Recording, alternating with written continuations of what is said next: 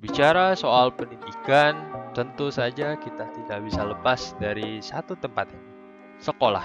Tempat di mana kita bisa merasa bahagia di dalamnya atau justru merasa sengsara di dalamnya. Apakah sekolah yang kita alami selama 12 tahun kita hidup bisa menentukan ke mana arah masa depan kita? Inilah Obras episode pertama dan selamat datang di The Jake Podcast.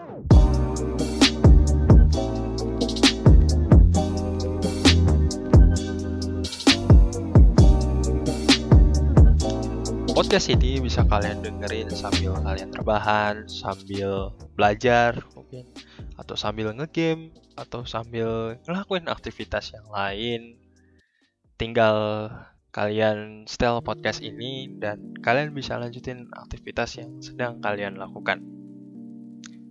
Masih bersama gua Damet di depan mikrofon. Kali ini gua membahas sebuah hal yang cukup erat dengan gua sebagai seorang remaja yaitu tentang sekolah gitu loh. Gue di sini bukan expert di bidang ini tapi gue hanyalah seorang pelaku yang menerima hal tersebut dari orang-orang yang bisa dibilang expert dan gue di sini ingin berbagi cerita gue atau opini gue terhadap apa sih yang terjadi gitu loh selama gue sekolah dan kenapa gue mengungkit topik sekolah itu bisa menentukan masa depan seorang anak atau enggak gitu. Jadi itu tanggal 8 April 2020 kemarin uh, murid SMA se-Indonesia menerima hasil seleksi nasional masuk perguruan tinggi nasional atau disingkat SNMPTN 2020 yaitu salah satu jalur eksklusif menuju ke perguruan tinggi impian kalian di mana kalian hanya membutuhkan nilai rapot kalian untuk bisa mendaftar ke seleksi tersebut. Namun perjuangan kalian itu untuk masuk ke SNMPTN sesungguhnya itu dimulai sejak kalian ada dari kelas 1 SMA. Tuh dan nggak semua anak di suatu SMA itu bisa mendapatkan kesempatan itu karena Kementerian Pendidikan dan Kebudayaan sendiri pun sudah menentukan kuota per sekolah berdasarkan akreditasinya. Di tahun ini, Kementerian Pendidikan dan Kebudayaan menetapkan kuota untuk sekolah yang berakreditasi A itu 40%, untuk yang B itu 25%, untuk akreditasi C kalau tidak salah 5%. Jadi hanya 40% anak saja yang bisa diterima di kuota SNMPTN per sekolah. Itu pun juga sekolah kalian berakreditasi A gitu. Nah, gue saat ini adalah mahasiswa semester 2 di suatu kampus uh, jadi kasarnya gue baru mengalami hal ini itu satu tahun yang lalu di mana gue masih mengingat betul ke apa ya uh, eh, gue gak berhasil dapat kuota SNMPTN karena nilai rapat gue kurang mencukupi untuk masuk ke presentase tersebut karena presentase 40% ini sudah ada sejak tahun lalu ya jadi bisa dibilang peraturannya itu sudah berlaku sejak tahun lalu tuh udah 40% gitu. Nah gue nggak gue nggak masuk kuota SNMPTN. Gue pun juga masuk ke kampus gue sekarang itu lewat SBMPTN gitu. Nah, gue menganalisa kalau sebetulnya SNMPTN ini kan berdasarkan sama nilai rapot yang lu terima gitu loh selama lu belajar di SMA lu. Nah, sebetulnya emangkah sebuah sekolah itu hanya mementingkan kualitas akademis lu? Atau justru sekolah itu sesungguhnya adalah tempat lu belajar banyak hal selain akademis? Karena gini gue sering banget ngobrol sama teman-teman gue sesama satu teman SMA gue atau bahkan sama si David sama si Sven juga uh, masalah sekolah gitu. Kenapa ya? Sekolah di Indonesia itu tuh bagaikan kasarnya ya, itu kayak akademik oriented gitu loh. Semua hal yang maksudnya bukan semua hal sih, semua murid yang ada di sekolah itu itu dinilai berdasarkan kualitas akademis mereka gitu. Kayak contohnya itu gini. Gue adalah salah satu alumni salah satu SMA favorit di Jakarta Selatan. Uh, dan di situ tuh bener-bener gue gue bener-bener kerasa banget gitu loh sebagai seorang anak. Gue lebih dituntut untuk punya akademis yang baik dibandingin gue punya hal lain selain akademis yang baik gitu. Banyak teman-teman gue yang bakatnya bukan di akademis tapi justru dia sama sekali nggak diapresiat sama guru-guru gue mungkin mungkin bukan nggak sama sekali. Kurang diapresiat gitu loh. Dan seakan-akan lu tuh gak bisa nggak akan bisa hidup kalau misalkan lu nggak memiliki kualitas akademis yang bagus gitu loh. Permasalahan di uh, academic oriented sendiri adalah kalau misalkan emang kualitas akademis itu menentukan masa depan lu terus lu mau bilang pesepak bola kah atau mungkin penyanyi kah atau justru pelukis kah? Emang mereka membutuhkan kualitas akademis yang sebagus orang-orang jenius yang ada di dunia saat ini gitu loh. Semisal gue gue kasih contohnya misal Cristiano Ronaldo gitu loh. Atau misalkan Lionel Messi gitu. Gue yang yang gue tahu Cristiano Ronaldo itu bahkan rela ninggalin sekolah cuma demi main sepak bola gitu loh. Dia rela gitu loh ninggalin sekolah cuma demi sepak bola. Dan akhirnya apa? Karena dia fokus untuk ngejar apa impian dia sebagai seorang pemain sepak bola, lu bisa lihat dia saat ini gitu loh. Di usianya dia yang sudah hampir 35 tahun ke atas atau mungkin sekarang udah 35 tahun gue lupa dia masih ada di puncak performanya. Mungkin nggak puncak banget tapi masih performanya masih dibilang bagus lah gitu loh. Sebagai seorang atlet berusia 35 tahun yang kadang itu udah mulai meredup gitu loh kualitas permainannya. Itu pun juga berlaku sama Lionel Messi atau mungkin sama Novak Djokovic dari tenis atau mungkin Roger Federer yang oh udah terkenal banget gitu loh atau mungkin penyanyi kayak misalkan yang udah lama berkarir di dunia industri musik itu bahkan yang punya dulu suaranya tinggi pun juga sampai sekarang juga masih gitu masih punya kualitas yang sama atau setidaknya tuh agak menurun dikit tapi nggak beda jauh dari yang uh, sebelumnya emang iya orang kayak Cristiano Ronaldo atau mungkin Lionel Messi yang notabene adalah pemain sepak bola itu membutuhkan hal akademis gitu loh untuk dia meraih kesuksesan? Enggak. Enggak sama sekali gitu loh. Eh uh, gue gue merasa ya apa ya Lionel Messi itu butuh rumus-rumus integral, rumus-rumus turunan atau segala jenis matematika yang ada di dunia ini hanya untuk bermain sepak bola gitu loh. Kan enggak. Apa yang dibutuhin Messi ya tentang kecerdasan membuat strategi lu mengumpan, strategi lu melakukan tendangan ataupun mendribble gitu loh. Itu yang lu butuhin. Itu pengetahuan yang jauh lu lebih butuhin daripada uh, sebuah pelajaran matematika buat Lionel Messi itu sendiri sama berlakunya kayak penyanyi bagaimana lu harus bisa mengatur uh, suara lu supaya tetap bagus gitu. Atau mungkin pelukis gimana tetap. Mungkin kalau lukis masih dibilang cukup akademis ya karena masih banyak uh, institut-institut ataupun perguruan-perguruan tinggi di Indonesia atau di dunia bahkan yang masih mementingkan pelukis lukis gitu kayak desain, DKV atau seni rupa gitu. Itu masih ada. Jadi ya akademis sebenarnya masuk.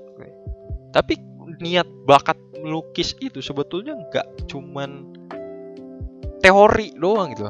Itu bukan sekedar teori yang mungkin kayak notabene kayak matematika yang bahkan lu latih aja tuh sebetulnya lu bisa sebetulnya tapi kalau lukis kadang itu adalah buah hasil latihan lu selama bertahun-tahun juga dan kasusnya akan mirip sama kayak pemain bola gitu loh.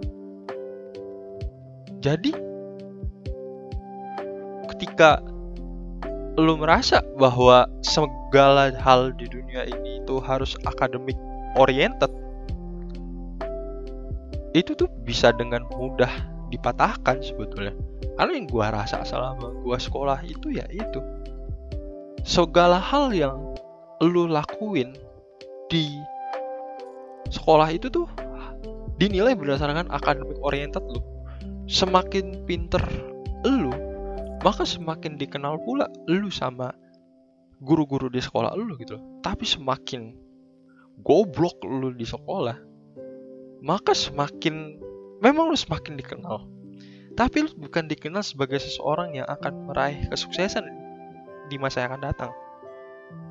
Tapi sebagai orang yang justru akan mengalami apa ya keredupan gitu Lu nggak akan bisa sesukses kayak orang-orang yang ada di sekitar lu yang mungkin punya akademi sama kayak lu, kayak yang paling pintar di sekolah lu. Gitu loh. Jadi pertanyaannya adalah apakah sekolah itu bisa menentukan masa depan kita? Gua ada di sisi netral. Jawabannya bisa iya, tapi bisa juga enggak. Banyak kasus yang terjadi di dunia saat ini itu mereka yang enggak uh, apa ya tidak menyelesaikan pendidikannya atau tidak bahkan nggak lulus sekolah dari SMA bahkan ada itu tuh masih bisa ngeraih kesuksesan gitu loh banyak banget miliuner-miliuner di dunia ini atau bahkan pengusaha di dunia ini tuh yang nggak membutuhkan sekolah. Mungkin nggak bukan bukan tidak membutuhkan sekolah tapi yang tidak menyelesaikan sekolahnya tapi berhasil meraih kesuksesan gitu loh. Banyak banget contohnya. Steve Jobs Bill Gates Mark Zuckerberg Henry Ford Rachel Ray atau mungkin Ray Kroc. Kalian bisa cari tahu sendiri itu siapa orang-orang itu gitu loh. Mereka nggak menyelesaikan sekolahnya gitu loh.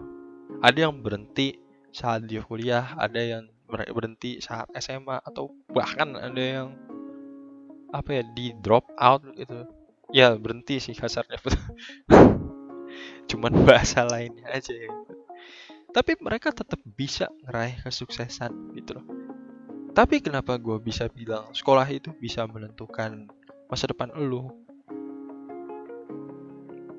pendapat gue ini itu mungkin hanya berlaku di Indonesia gitu. Di Indonesia, ketika lu bisa meraih sekolah favorit yang ada di daerah lu, semakin besar pula kesempatan lu untuk bisa meraih apa ya masa depan yang cemerlang. Semisal lu ada di sebuah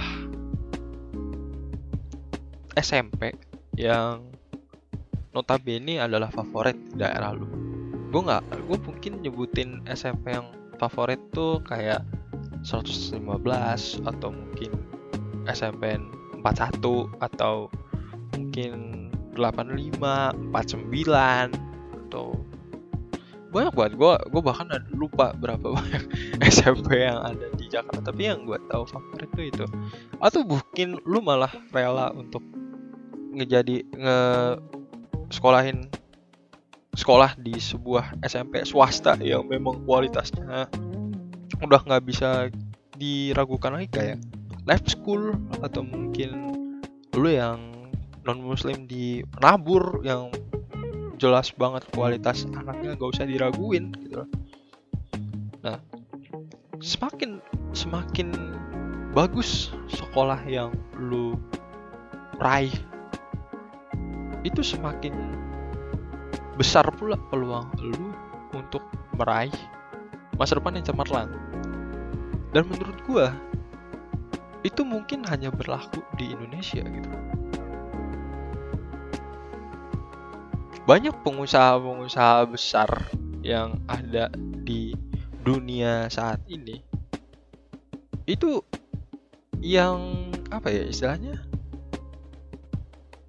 mereka tuh bukan bukan bukan nggak butuh sekolah tapi tidak menyelesaikan sekolah ya mungkin mereka butuh sekolah mungkin mereka butuh sekolah tapi keadaan yang ada di dalamnya itu tidak mendukung mereka akhirnya pun mereka memutuskan untuk keluar dari sekolah itu. Nah, di situlah gue bilang, kenapa sekolah itu tuh bisa menentukan masa depan lu atau tidak gitu. Tapi opini opini pribadi, opini apa ya istilahnya banyak teman-teman gue dan opini pribadi gue sekolah di Indonesia itu seakan tidak mempersiapkan lu untuk bisa meraih masa depan lu gitu loh. Salah satu hal yang menurut gue jadi permasalahan utama dari setiap sekolah adalah kurangnya pendidikan moral di dalam sekolah itu sendiri. Gue tidak mengatakan moral itu tidak diajarkan, tapi kurang diajarkan. Maksudnya gini, gue mengambil salah satu contoh sebuah negara yang sangat dikenal dengan kualitas etika moral yang top gitu. Bintang 5 kalau gue berani. Yang kualitasnya tuh udah bagus banget dan dikenal oleh bahkan bahkan diketahui hampir semua penduduk di bumi ini gitu loh. Itu Jepang Jepang adalah salah satu negara yang dikenal dengan tingkat kedisiplinan yang bagus banget. Etikanya moralnya itu tuh bagus. Dan gak ada yang bisa gak ada yang ngeraguin lagi untuk Jepang itu sendiri. Nah ternyata apa yang bisa membentuk mereka se seperti bisa seperti itu adalah di awal mereka masuk SD gitu loh. Di awal mereka masuk SD setengah kehidupan SD-nya itu di apa ya saya? Uh, aduh gue bingung kata-katanya. Apa ya? Hal yang mereka terima selama dia setengah kehidupan di SD-nya berarti dari kelas 1 sampai 3 itu cuma satu pelajaran. Moral. Jepang sekolah Jepang ah, lebih khususnya di SD Jepang itu tuh punya kewajiban untuk mengajarkan moral atau atau etika kepada sesama warga sesama manusia selama tiga tahun full. Dan uniknya adalah selama tiga tahun mereka mendapatkan pelajaran moral tersebut mereka sama sekali tidak mendapatkan pendidikan akan tentang uh, tidak mendapatkan hal-hal yang berkaitan dengan akademis. Karena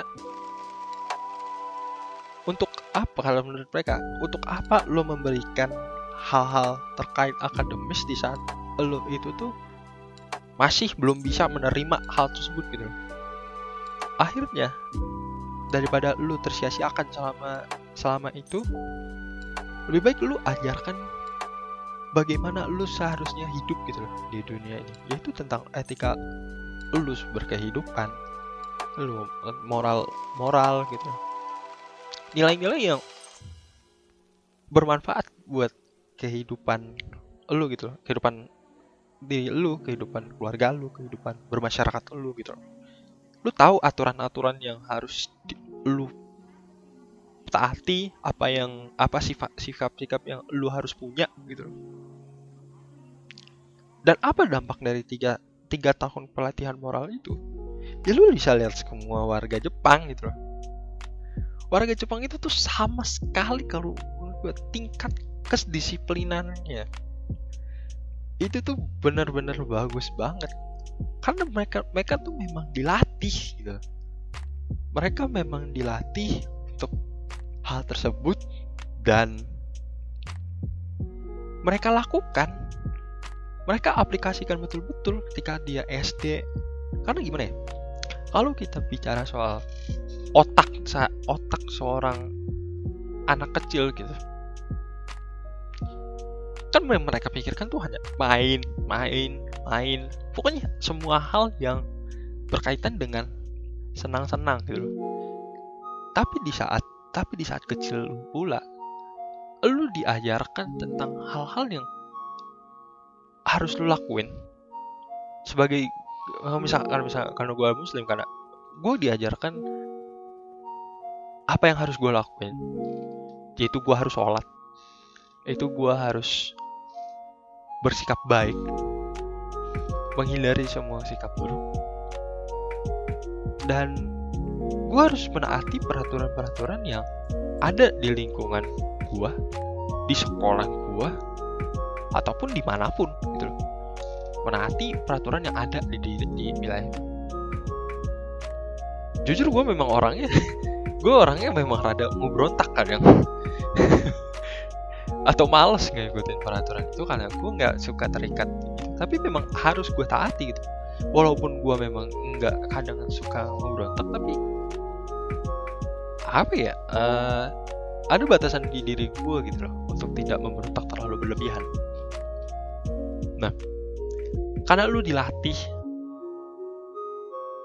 dilatih untuk menjadi seorang manusia sejak kecil pelajaran itu tuh yang yang seharusnya tercap ter apa ya tercamkan di diri lu. Banyak hal-hal di banyak hal di hidup kita yang kita butuhin itu diajarkan saat kita kecil. Moral etika itu semua diajarin di di apa namanya di saat lu kecil. Dan dan di Jepang itu sangat berhasil gitu loh. Nah, Kenapa gue berani bilang Indonesia tuh kurang mengajarkan moral terhadap anak-anaknya saat mereka di sekolah gitu. Karena mungkin saja ya, ini sebenarnya teori gue doang atau mungkin opini gue doang.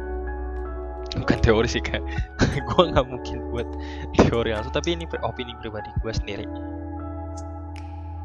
mungkin para guru tuh menganggap bahwasanya etika dan moral itu sebetulnya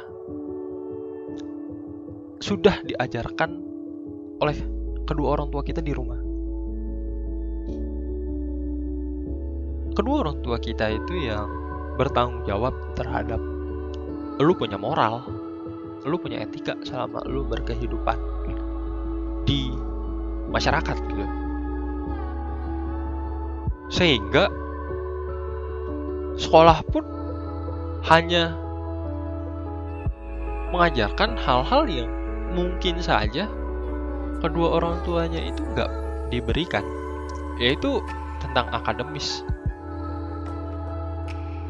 Banyak orang banyak sekolah yang di Indonesia yang istilahnya eh nggak tahu ilegal atau legal ya. Tapi ujian masuk lu SD itu ada lu bisa membaca dan lu bisa nulis dan juga bisa hitung-hitungan setahu gue tapi sebetulnya itu bukan sebuah kewajiban buat lu sebagai anak kecil yang bisa baca bisa nulis atau bisa hitung-hitungan gitu. Bukan basic itu yang sebetulnya lu harus punya gitu tapi sebagai anak kecil itu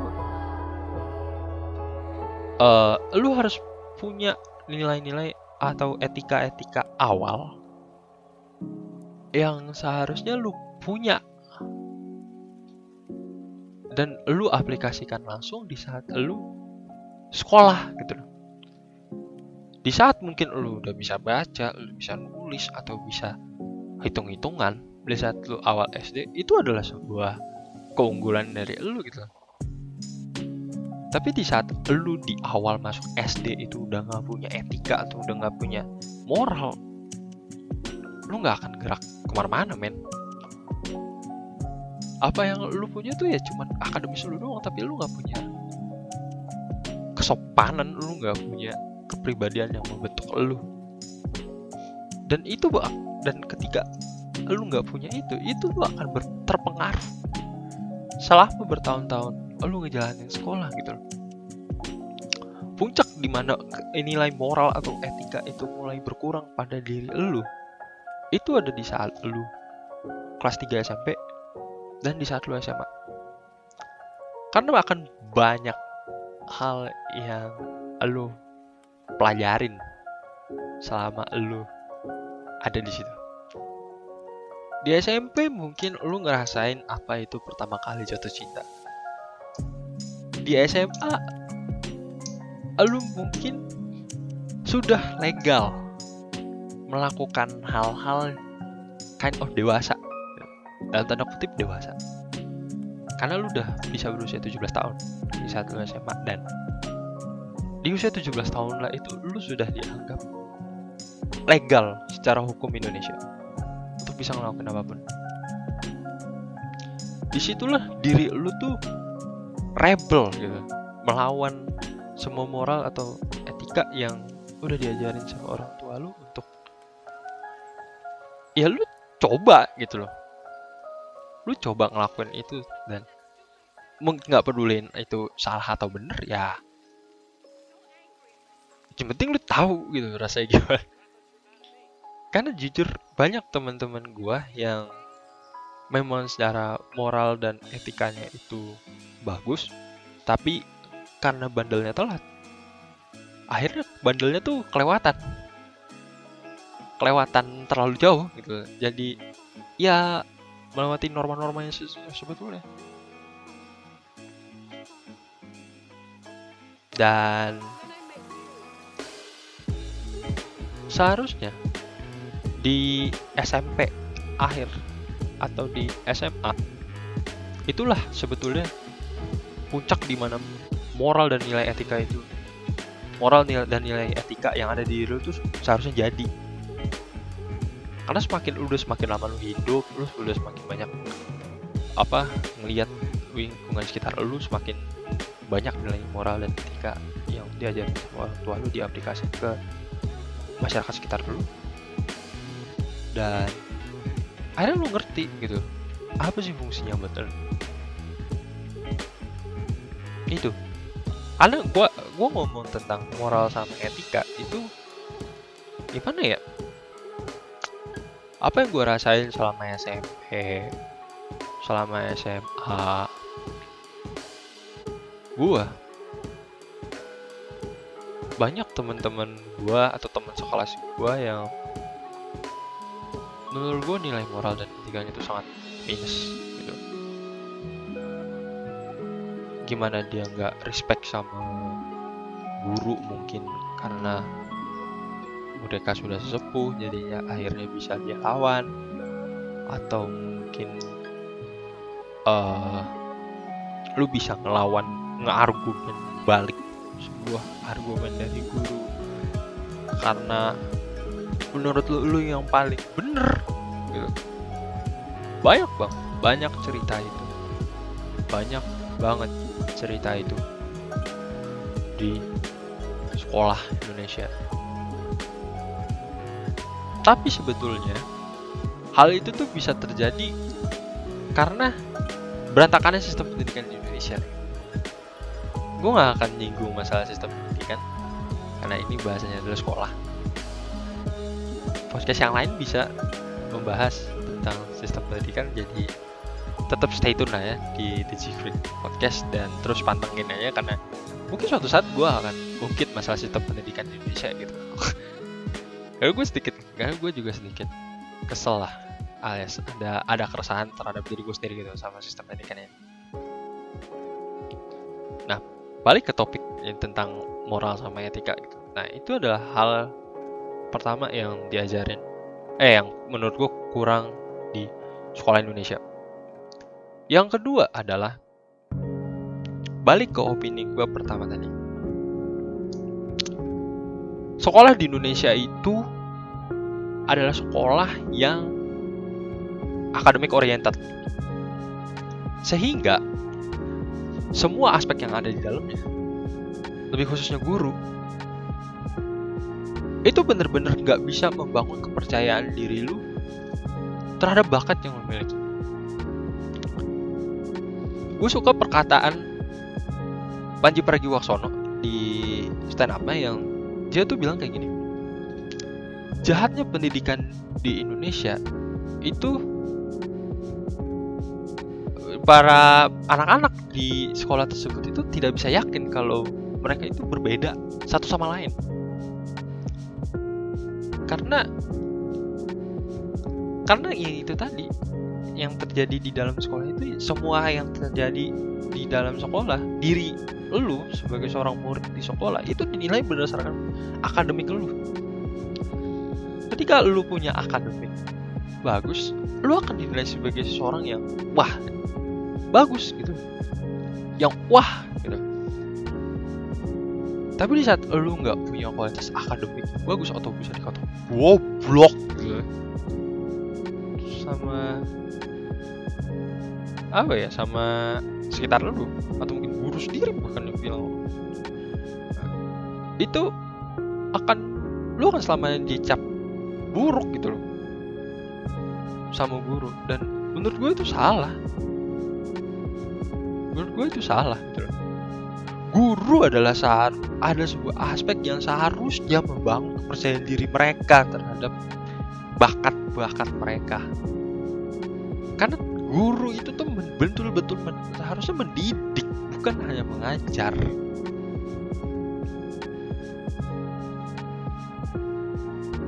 Kita sering banget lihat bosan temen lu yang mungkin punya bakat jago di main basket atau main bola atau bahkan main apa.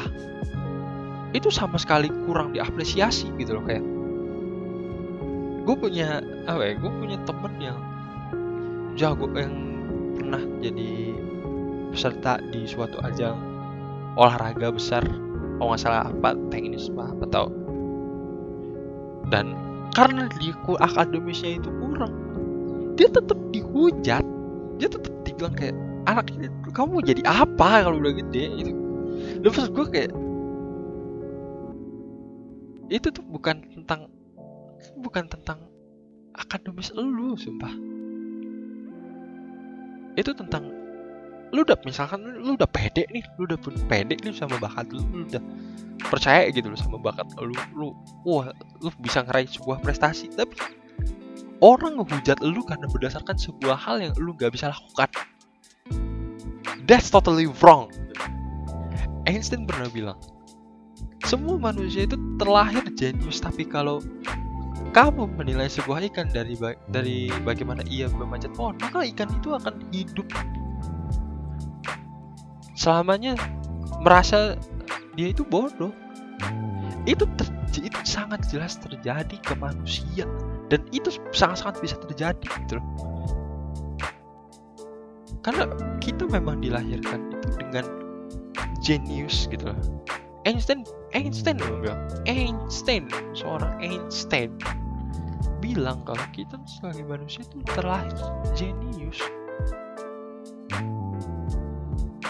tapi kalau lu menilai seorang manusia dari ketidakbisaannya ia untuk melakukan apa pun maka manusia itu akan hidup merasa bodoh selamanya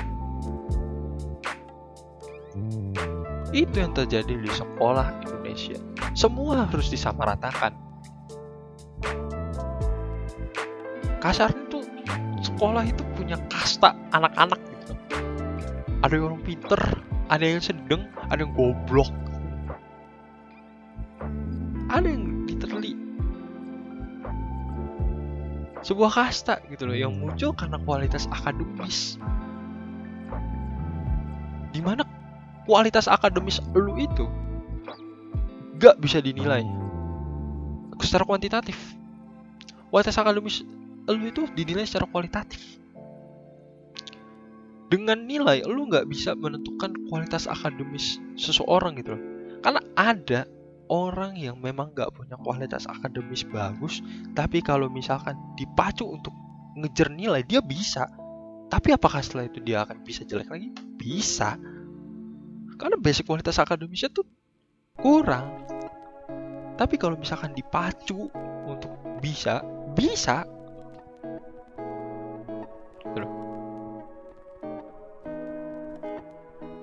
Tapi permasalahannya adalah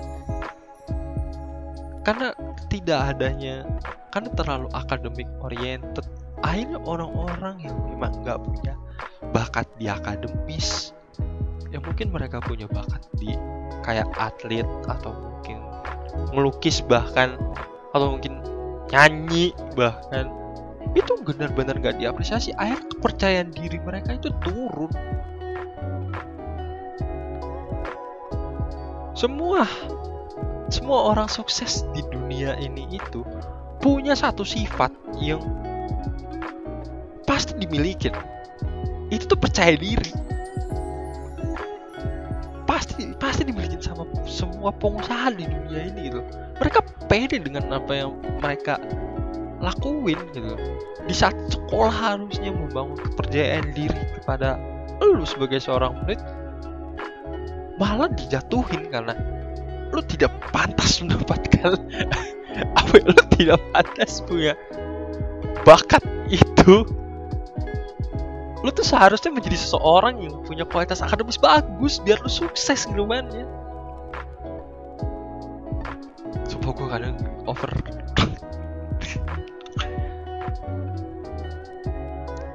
Gue sering banget ngobrol sama guru BK gue dan gue banyak banget nemu insight tentang seorang murid gitu loh dan gue gue jujur gue adalah orang yang alhamdulillah memang diberikan apa ya kelebihan gitu loh di bidang akademis. Dan karena itu gue memang banyak di apa ya guru juga banyak yang tahu gue juga gitu loh. Karena memang mungkin ya gue juga deket bisa deket sama mereka gitu loh. Tapi orang-orang yang nggak punya bakat yang mungkin mungkin kurang secara akademisnya yang bisa dibilang cuman bisa mengandalkan apa yang dia bisa kayak mungkin main bola, main basket, main apa. Sama sekali itu nggak bener-bener diapresiasi gitu loh. Minus banget minus banget untuk bisa diapresiasi sama guru karena terlalu akademik oriented. Itu yang terjadi di Indonesia gitu loh. Sekolah seharusnya menjadi tempat lu untuk bisa membangun kepercayaan diri lu dengan bakat-bakat yang lu punya gitu. Bukan malah menjadi tempat di mana lu akhirnya merasa down karena punya bakat itu itu nggak seharusnya terjadi. Akhirnya karena akhirnya karena kepercayaan diri itu gak ada dan mereka pun dipaksa untuk menjadi orang yang sama dengan yang lain yang maksudnya yang diapresiasi banget sama guru akhirnya banyak hal-hal yang nggak yang dilarang untuk dilakuin akhirnya dilakuin. Contohnya nyontek atau pas ujian ada yang joki mungkin? Atau pas ujian SBMPTN juga karena gue tahu ada juga ada yang membahas tentang joki gitu loh. Karena mereka nggak pede dengan bakat yang mereka miliki. Sekolah itu seharusnya menjadi tempat di mana lu menemukan kepercayaan diri lu yang akan lu bawa ke masa depan. Kritik itu pasti akan apa ya kritik itu pasti akan berdatangan ke lo itu pasti. Nggak mungkin kan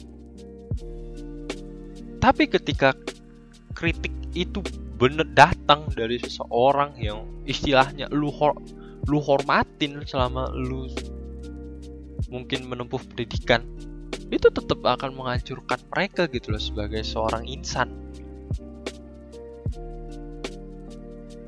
Pasti tetap akan membuat sebuah masalah tersendiri dalam diri mereka. Dan akhirnya mereka berpikir lagi apakah memang gua nggak pantas punya bakat ini gitu apa gua hanya harus bisa ngajar akademis?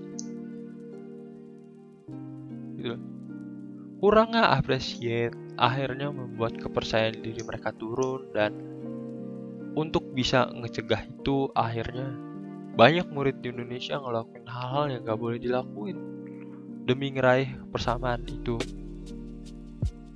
Nyontek. Akhirnya mereka, akhirnya orang-orang yang memang punya kecerdasan punya kelebihan di bidang akademis itu kalah sama orang-orang yang basically memang kurang secara akademis karena ya itu tadi kepercayaan diri yang kurang akademis itu tuh tidak terbentuk karena bakat yang mereka miliki itu tidak diapresiasi sama sekali.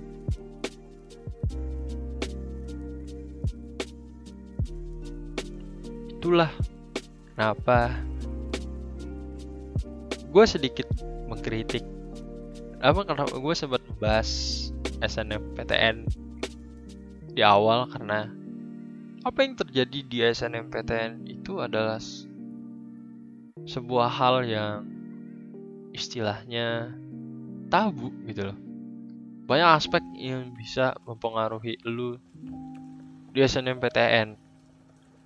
Nilai yang ada di SNMPTN yang diraih oleh seseorang itu bisa jadi adalah hal-hal ada sebuah nilai yang datang karena ketidakpercayaan diri orang tersebut. Gitu loh.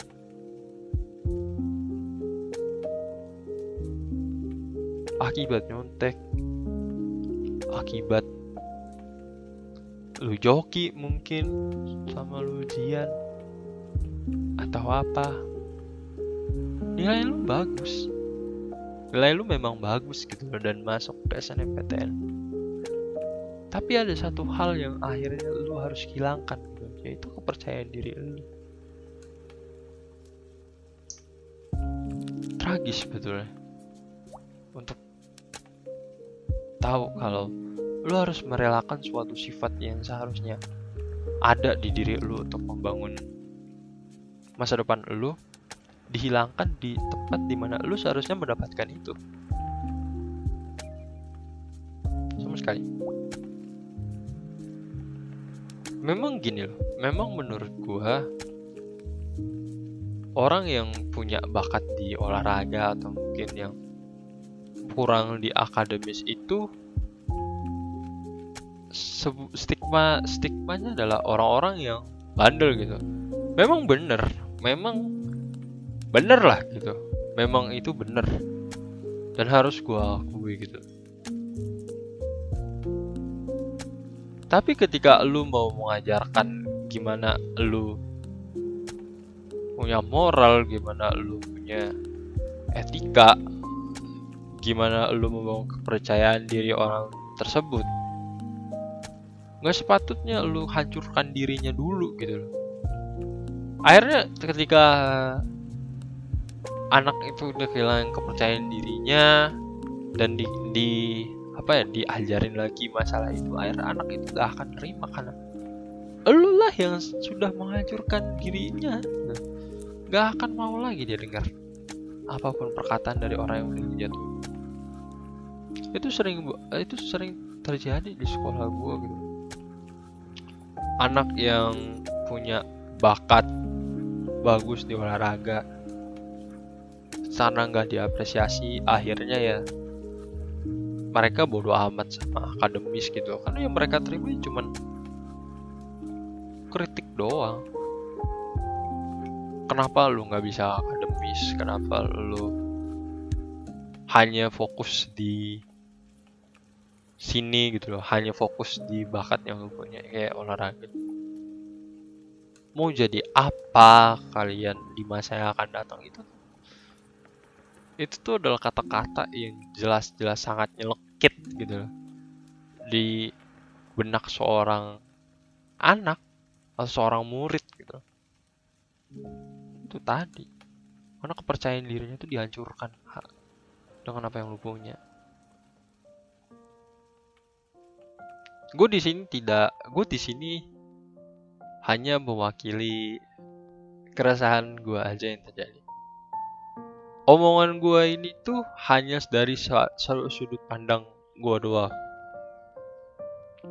Gue nggak bisa memastikan bahwa semua omongan gue ini tuh benar adanya gitu. Karena gue hanya seorang manusia tem tempat salah dan lupa gitu. Yang benar hanya Tuhan. Tapi gue di sini menyampaikan keresahan gue terhadap mereka yang tidak mendapatkan perlakuan sama karena sebuah hal yang gak sepatutnya dikritik gitu loh sama orang.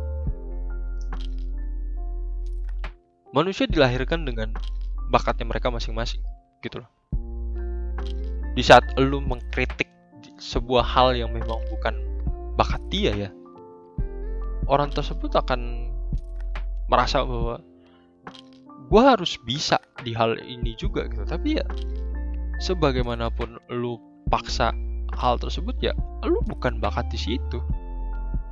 Akhirnya lu melenceng jauh dari arah yang sebenarnya. Yang seharusnya lu lakuin itu adalah memperdalam bakat lu saja gitu. Untuk meraih masa depan lu. Memang mempelajari semua itu bagus gitu. Dan memang sebetulnya harusnya wajib lu lakuin untuk mempelajari semuanya. Tapi apakah lu harus bisa menguasai semua hal tersebut? Jelas enggak. Karena lu dilahirkan untuk bisa hanya satu subjek gitu. satu atau dua atau mungkin beberapa subjek doang yang gak akan bisa lu kuasain semuanya. Kalau lu bisa kuasain semuanya that's itu adalah sebuah rezeki yang memang harus lu syukurin gitu ketika lu bisa semuanya harus lu syukurin rezeki tersebut gitu. Tapi pada normalnya manusia dila manusia itu dilahirkan ya dengan bakat yang berbeda-beda dan tidak semua hal bisa dia lakuin. Kayak gua yang mungkin gua lebih dominan di bagian otak kiri gua yang berkaitan sama logika analisis. Tapi di saat gua ber berurusan dengan segala hal yang tentang gambar atau mungkin dunia kreatif gitu gue harus akui gue gue sangat kurang. Gue memang mau belajar. Kayak mungkin yang gue lakuin saat ini gue belajar desain gue belajar apa tapi gue nggak gue yakin gue nggak nggak akan mungkin bisa menguasai sepenuhnya karena gue pasti yakin gue akan terus belajar belajar dan belajar. Begitu pula dengan bakat gue di saat bakat gue udah bagus bukan berarti gue harus tinggalin. Atau gue diemin aja. Karena kalau gue diemin ya pada akhirnya bakat itu akan kembali meredup lagi dan lu harus maju lagi dari awal. Tetap belajar. Itulah kunci lu sebetulnya meraih masa depan gitu loh. Sikap itu yang seharusnya lu punya untuk meraih masa depan. Terus belajar percaya diri berani ngambil resiko. Itu itu bukan semua hal-hal yang dimiliki oleh semua pengusaha di besar di dunia ini. Di saat mereka mengambil resiko untuk meninggalkan sekolah atau mungkin pendidikan demi mengejar masa depan mereka. Dan akhirnya ya mereka ngeraih itu karena ya memang mungkin bakat mereka di situ ngapain gue harus ngejar? Ngapain gue harus fokus? Pada hal yang memang mungkin gue gak akan gue kuasain. Gue lebih baik fokus ke apa yang udah gue miliki saat ini gitu loh. Berani ngambil resiko. Itu hal dan gue di sini tidak apa gue takutnya gara-gara podcast gue ini akhirnya banyak anak-anak yang ngomong orang tua ini nih ada podcast nih. Katanya jangan usah sekolah fokus saja ke bakat kalian. Nggak gitu juga. Enggak gitu juga. Kalian mau sekolah tetap sekolah gitu loh. Kalian harus tetap sekolah gitu. Podcast yang gue bikin saat ini itu adalah hanya memastikan kalau sekolah kalian itu tuh tidak menjadi acuan masa depan seperti apa yang kalian akan raih gitu loh. Tapi sekolah kalian ini tuh adalah sebuah fasilitas yang diberikan untuk bisa meraih masa depan yang kalian inginkan, tapi tidak menentukan akan seperti apa kalian di masa yang akan datang. Itu. Jangan ninggalin sekolah, jangan ninggalin sekolah, tapi tinggalin hal-hal yang lu nggak faedah lakuin selama lu sekolah. Daripada lu terlalu fokus untuk kejar nilai hal-hal yang lu nggak bisa dan akhirnya lu harus merelakan kepercayaan diri lu lu lebih baik tetap fokus kejar bakat yang lu punya saat ini. Dan apa bodoh amat kata guru lu di saat lu mungkin nggak uh, sama kayak orang yang bisa dibilang paling pinter di sekolah lu. Atau mungkin yang orang yang paling pinter di kelas lu mungkin dikritik lu nggak punya akademis. Lu buktiin kepada mereka kalau lu tuh nggak butuh akademis untuk meraih kesuksesan gitu loh karena orang punya kesuksesan mereka cara ngeraih kesuksesan mereka masing-masing Yajar Dewantara ini juga pernah bilang kalau padi itu tidak bisa tumbuh sebagai jagung ya padi tuh tumbuh sebagai padi, jagung tumbuh sebagai jagung. Itu sama seperti manusia. Ketika lu tumbuh sebagai seorang anak yang unggul di kualitas akademis lu, lu nggak bisa tumbuh jadi seseorang yang mungkin bagus di kualitas olahraga lu. Akan ada orang-orang yang jauh lebih unggul dari lu karena mereka punya bakat lebih di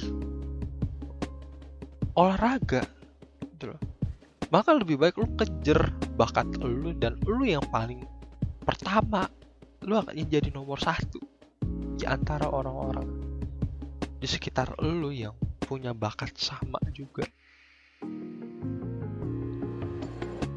quotes Bruce Lee yang gue suka adalah aku lebih takut kepada orang yang berlatih satu tendangan sebanyak seribu kali daripada orang yang melakukan seribu tendangan sebanyak satu kali.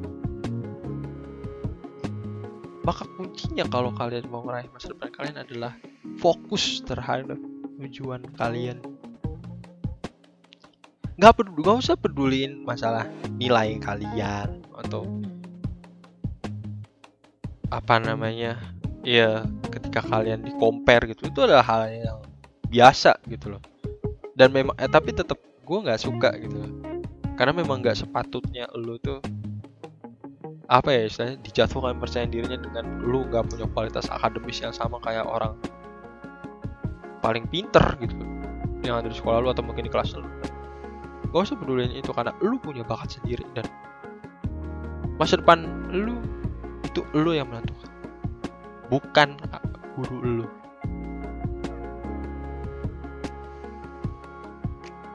Dan mungkin itu saja podcast gua kali ini tentang sekolah capek gue gue tuh gua kalau bahas sekolah tuh bener-bener gak ada habisnya kayak banyak banget temen gue yang apa ya istilahnya cerita sama gue tentang sekolah hidupnya sekolah yang muak sama sekolah yang capek sekolah gitu loh. capek di compare capek di dan akhirnya ya gue berbagi keresahan temen gue sebagai keresahan temen gue juga gitu loh tentang sekolah di Indonesia dan sekali lagi ini adalah opini pribadi gue gue yakin ada opini pribadi gue ini yang berbeda dengan fakta yang terjadi di lapangan. Dan sebagai klarifikasi kalau gue tidak menjustifikasi semua guru di Indonesia tuh kayak gitu. Nggak. Karena yang gue takutin ada guru yang dengerin podcast ini terus kayak apaan nih kok ngomongin guru semuanya kayak gitu yang cuman bisa ngenilai dari akademis enggak. Gue jelas enggak nganggep guru itu sepenuhnya kayak gitu. Karena ada guru yang pasti mendukung bakat kalian apa pun itu gitu loh.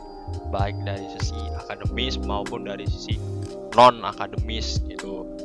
Tapi ada juga yang memang menilai lu sebagai murid mereka itu berdasarkan kualitas akademis yang lu punya. Dan gua pun yakin kalau mereka tuh nggak sepenuhnya menilai itu karena memang ingin menjudge lu tapi pastinya ada nilai-nilai yang kayak mungkin peduli sama lu kayak lu nggak punya akademis yang bagus gitu loh. Takutnya ditakutkan bakat yang lu punya ini itu mungkin saja nggak bisa membawa lu ke kesuksesan lu oleh karena itu lu disuruh untuk memiliki akademis yang bagus juga sebagai apa ya istilahnya rencana cadangan lu gitu. Jika lo lu nggak berhasil ngedapetin mimpi lu. Tapi yang jelas kalian percaya dulu sama bakat kalian. Percaya aja sama apa yang kalian yakinin saat ini. Karena ya sekali lagi gue bilang masa depan kalian itu kalian sendiri yang nentuin bukan orang lain. Kalian yang milih mau jadi apa kalian ke depannya. Dan oleh karena itu gue mau meminta maaf sebesar-besarnya jika memang ada yang meras yang menyak ada kata-kata gue atau opini gue yang menyakiti perasaan kalian ada yang merasa tersinggung gue sekali lagi minta maaf sebesar besarnya dari hati gue yang terdalam.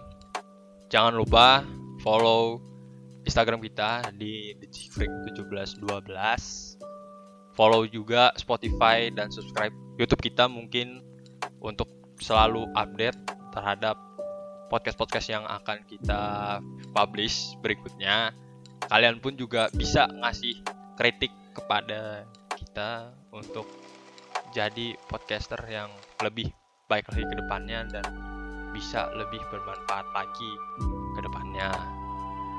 Kalian pun juga ngasih bisa ngasih saran kepada kita tentang apa sih kira-kira topik yang akan diangkat oleh gua di podcast berikutnya. So, thank you for listening and see you in the next episode of our podcast.